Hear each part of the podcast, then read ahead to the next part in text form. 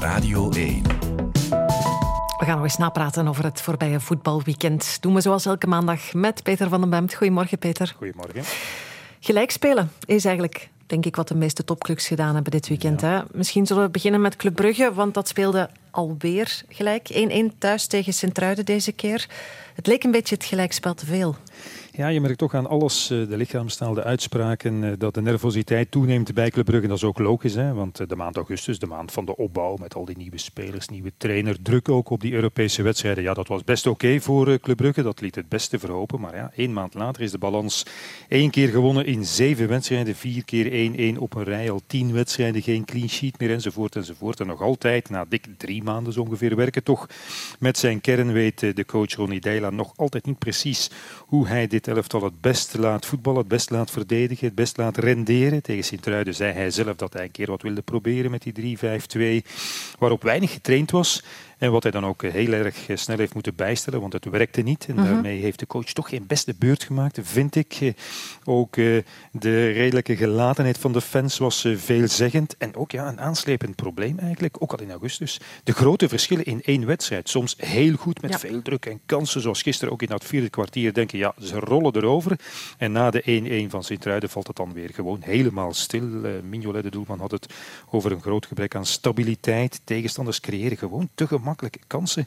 En dat zorgt toch voor een zekere onrust binnen het team. Kijk, eh, zondag reist Club Brugge naar Standaard, naar ja. Daar wrijven ze zich al in de handen voor de komst van Ronnie Dijlen. Zal een blij weerzien worden, denk ik. En de eh, Club Brugge speelt de komende wedstrijden ook nog tegen Antwerpen en Union. Plus twee belangrijke Europese wedstrijden. Dus toch stil aan tijd dat eh, de coach zijn zaken op orde krijgt. Inderdaad. Op naar het volgende gelijkspel dan. Racing Genk 3-3 gelijk tegen Rode Lantaarn Westerlo. En dan ja, moeten we zeggen, weer niet gewonnen thuis. Weer boos op de scheidsrechter ook? Dat is altijd gemakkelijker en dan zich de focus op het eigen falen natuurlijk. Want uh, voor mij uh, is de hoofdoorzaak van het puntenverlies niet de rode kaart voor Ba. Ik vond het ook wel een veel te strenge rode kaart voor alle duidelijkheid. En een vreemde uitleg van de scheidsrechter. Maar ja, geel vond ik wel op zijn plaats. Want er werden er toch twee kletsen uitgedeeld. En dan was de uitkomst natuurlijk eh, dezelfde geweest. Want hij had al een gele kaart gekregen. Maar goed, het lijkt mij toch nuttiger dat Genk zich afvraagt waarom het nu al twee thuiswedstrijden op een rij drie keer scoort.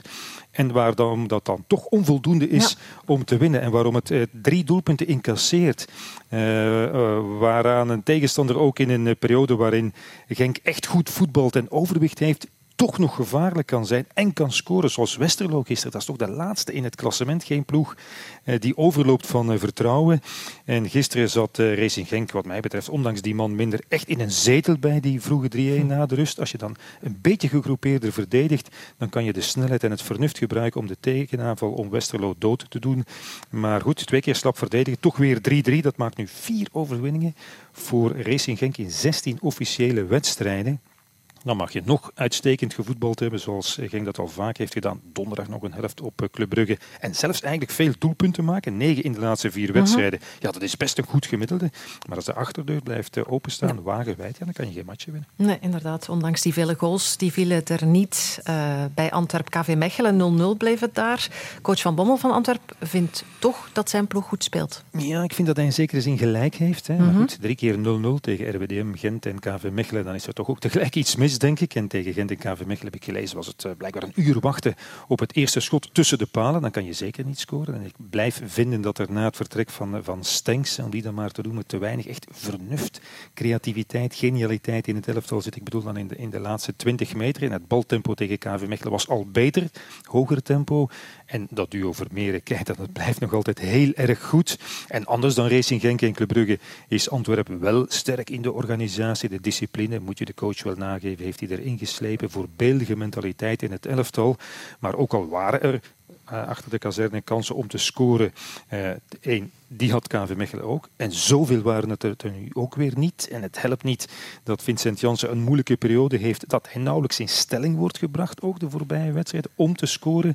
En dat de jongens, uh, al die jongens die al geprobeerd zijn op de flanken, dat die het ook moeilijk hebben voor weinig gevaar zorgen. En kijk, woensdag komt de Shakhtar in de Champions League. Als je graag derde wil worden in de groep, is 0-0 echt niet genoeg.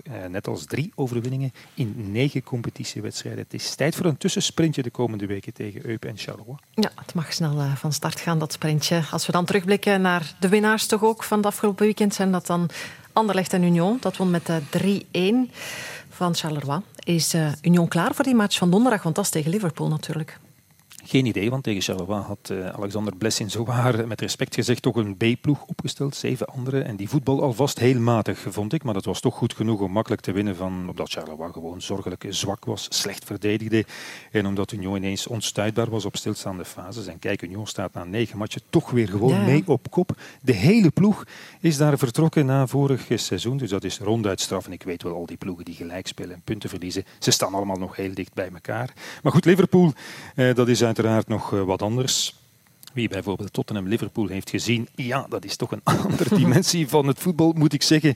En ondanks het verlies en, en de twee rode kaarten was eh, Liverpool redelijk geweldig. En het is voor Union te hopen dat Liverpool niet dat niveau haalt donderdag. Dat er bijvoorbeeld een paar niet opgesteld worden. Ik zou zeggen Soboslai en Salah, om er maar twee te noemen, mhm. maar oké. Uh, Union heeft ons al veel vaker verbaasd. Ja, klopt. En wie weet doen ze dat nog een keer op uh, Anfield. Hoe dan ook, het is een geweldig avontuur voor, voor de hele Union-familie, zou ik zeggen. En als ik nog één ding mag zeggen. Het is twee februari vandaag, als ik het goed heb, hoort uh, Paul van Himst. Die zegt dat hij een trouwe luisteraar is van uh, op dit tijdstip op Radio 1. 80 jaar, dus wil ik speciaal zeggen. Proficiat Paul en nog een lange, goede gezondheid gewenst. Wij gaan uh, onze, onze felicitaties daar gewoon aan toevoegen. Dankjewel, Peter.